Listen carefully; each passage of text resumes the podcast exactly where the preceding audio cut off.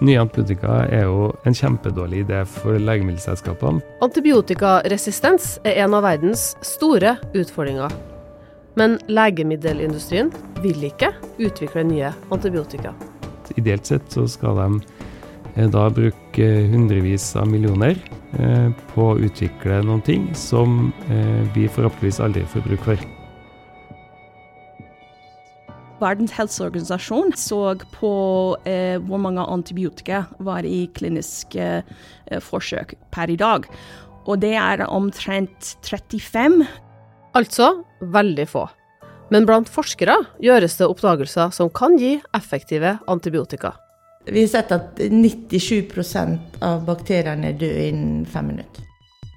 Og nå kan det være en økonomisk løsning på gang. Ja, noen kaller det Netflix-modell. Hvordan skal vi få legemiddelselskapene til å satse på ny antibiotika? Du hører på De store spørsmålene, en podkast fra NTNU.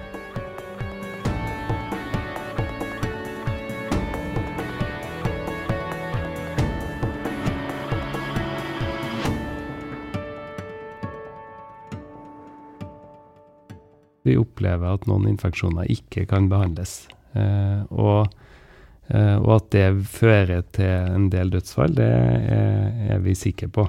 Magnus Stegedal er leder for Institutt for klinisk og molekylær medisin ved NTNU. Og så har vi sett en utvikling hvor det blir verre og verre. At vi får flere og flere tilfeller av eh, infeksjoner som vi ikke klarer å behandle på en god måte. Eh, og det er jo bekymringsfullt.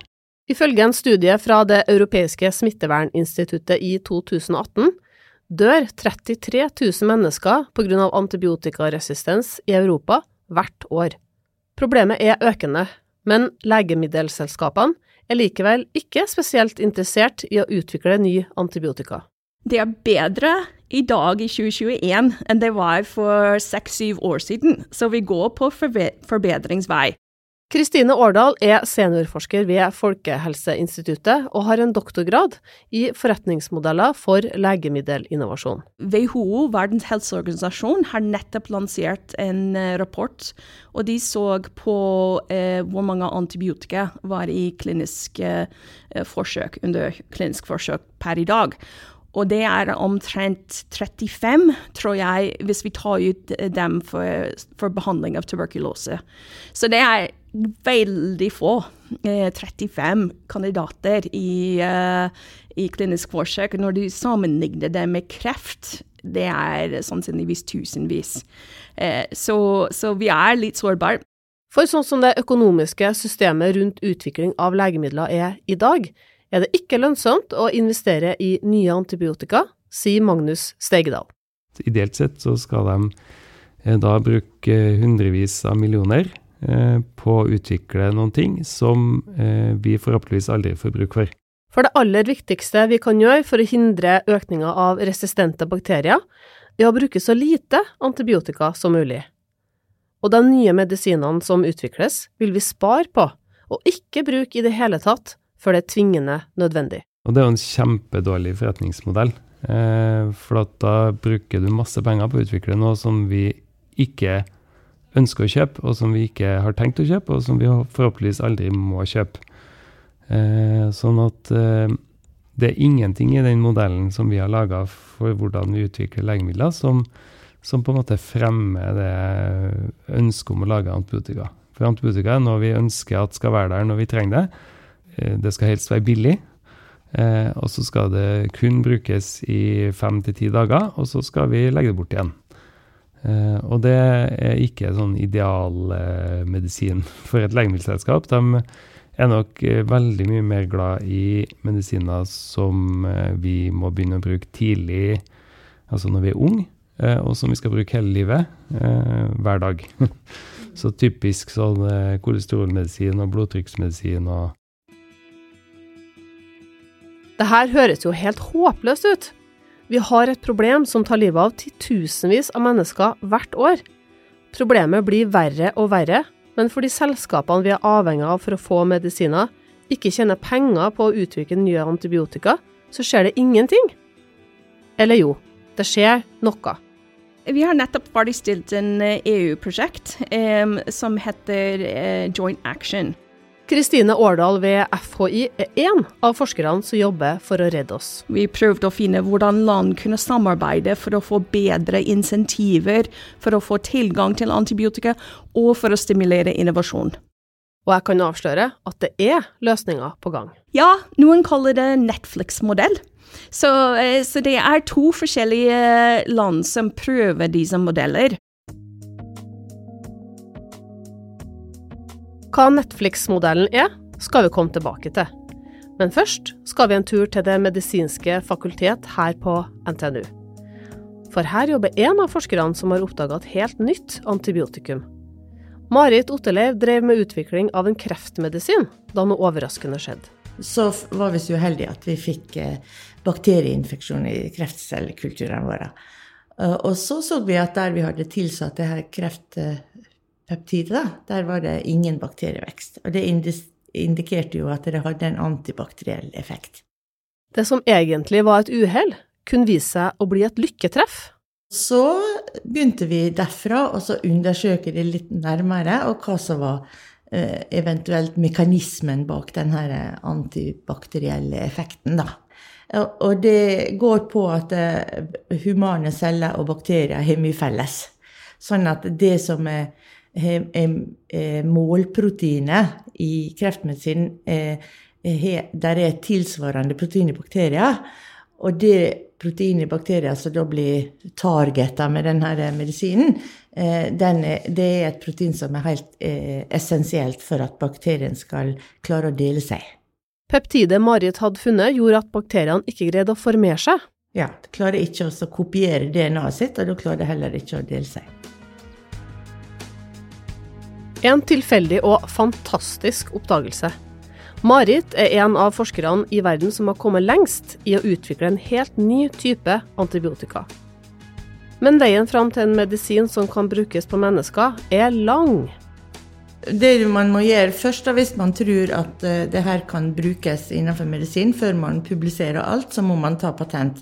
Ellers vil ingen samarbeide med deg om å utvikle medisinen videre. Og så har vi jobba mye med å vise mekanismen og optimalisere peptidet.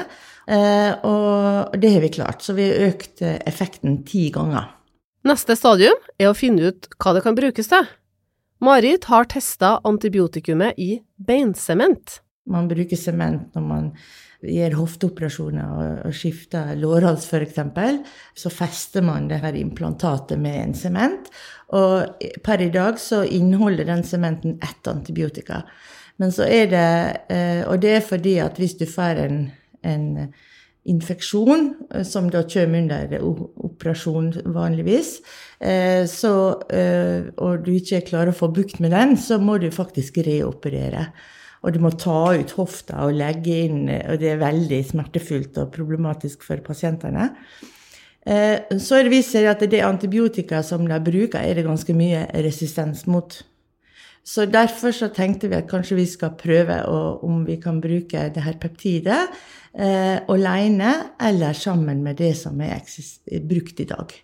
Så det har vi gjort forsøk på, og vi har vist at det, det blir frigitt fra sementen, og det virker sånn som vi håpet det skulle virke. Eh, det har vi vist i rottemodeller. Eh, og eh, det øker effekten av eh, det antibiotika som blir brukt i dag. Forsøkene til Marit viser at antibiotikumet også har stort potensial som krem på infiserte sår og i intravenøs bruk, f.eks. ved akutte lungeinfeksjoner. Det kan være en, en, en, god kombinasjon med mange andre antibiotika, både fordi det øker effekten, men fordi det hindrer at det blir dannet resistens mot, eller forsinker da, resistensutvikling. Når de har funnet potensialet for medisinen, må de utvikle den videre i den retninga som har størst potensial. Deretter må den testes på to ulike dyrearter for å se om de tåler medisinen. Da først får man lov til å prøve det i, i folk. Så det å utvikle et nytt antibiotikum er en omfattende prosess som koster masse penger. Foreløpig er forskninga til Marit et NTNU-prosjekt som finansieres av forskningsmidler.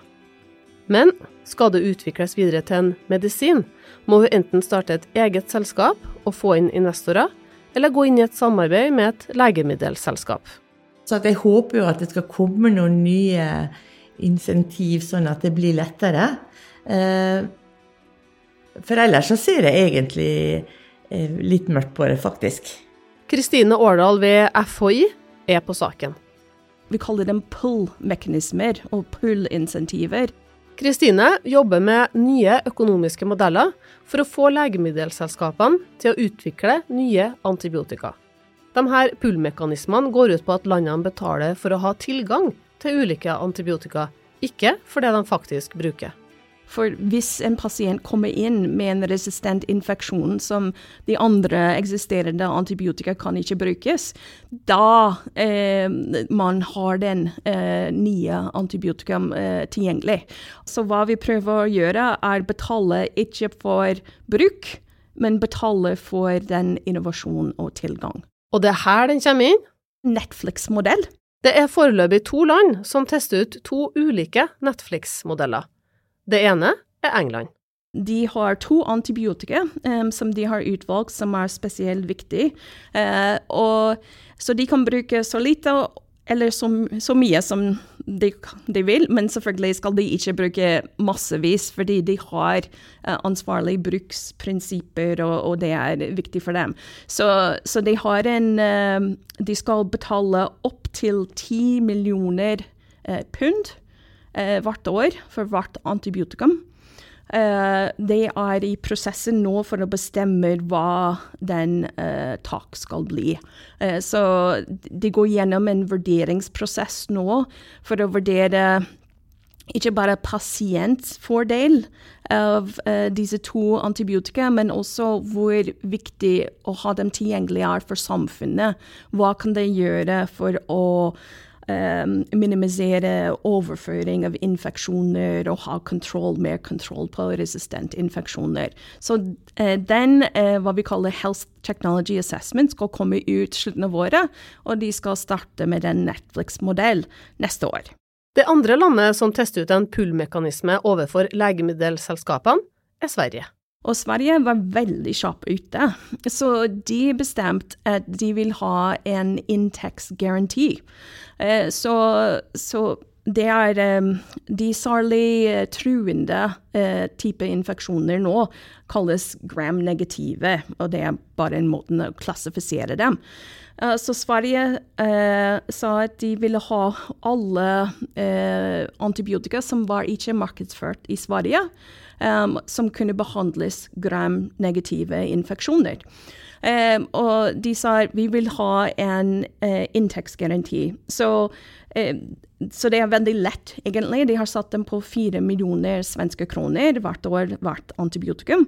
Og de sier at eh, vi bare shopper og bruker som vanlig. Og på slutten av året vi gjør en regning.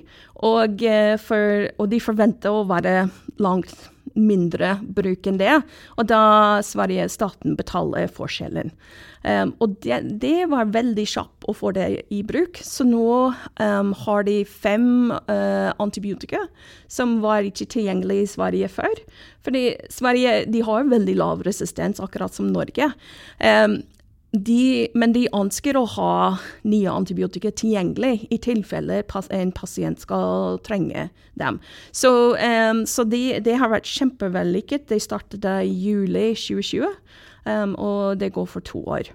Men sjøl om de her økonomiske modellene funker bra, er det bare to land i hele verden som har tatt dem i bruk. EU jobber med å få en lignende modell for sine medlemsland, og det kan det være aktuelt for Norge å bli med på. Men Europa er også lite i den store sammenhengen. Så USA nå eh, har lansert en pull-mekanisme i kongress. Så vi skal se hvis de, hvis de godtar det. Eh, men den ville være en game changer. Ville, for det, da vi prater om 750 millioner dollar per antibiotika minimum um, over over ti år.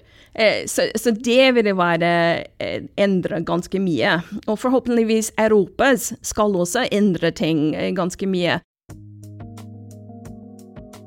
Det er med andre ord håp om at det kan skje store endringer til det bedre. Magnus Stegedal ved NTNU snakker om tre store og kritiske utfordringer verden står overfor i dag. Det ene er selvsagt klimaendringene. Eh, og så har du problemene med sosial ulikhet, som fører til masse eh, problemer også innenfor helse, men i mange sammenhenger fører det til store problemer. Det er vi også eh, har vi problemer med å ta tak i. Og så har vi antibiotikaresistens, da, som, som, er et sånn ulmende problem. Eh, som mange roper høyt om, men som vi ikke klarer å ta inn over oss som et problem, fordi at vi stort sett er friske og ikke opplever noen utfordringer med det. Uh, men av de tre problemene, da, så uh, er det jo gledelig i, den grad noe sånn er gledelig, men jeg tror fortsatt at antibiotikaresistens er det enkleste å gjøre noe med. Um, fordi at um, det er tross alt litt enklere å vite hva man kan gjøre der. Uh, og en del ting av det vi gjør der, vil ha effekt. Så det må der, der er det nesten litt sånn at det er så enkelt som at jo mer midler vi bruker på å utvikle nye antibiotika, så vil vi finne nye antibiotika.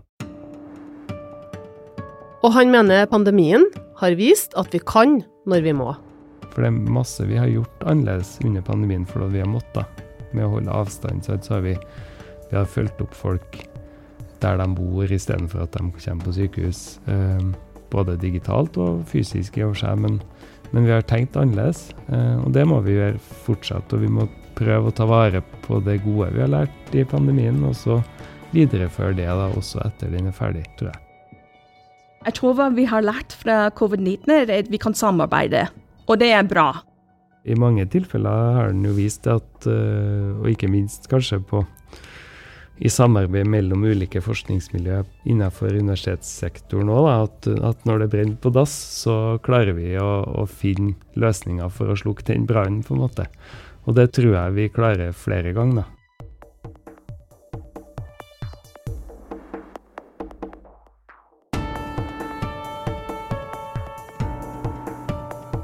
Du har hørt på De store spørsmålene fra NTNU. Produsent er Randi Lillealteren, og jeg heter Anne Sliper Mydling. Podkasten er laga av Historiebruket og NTNU.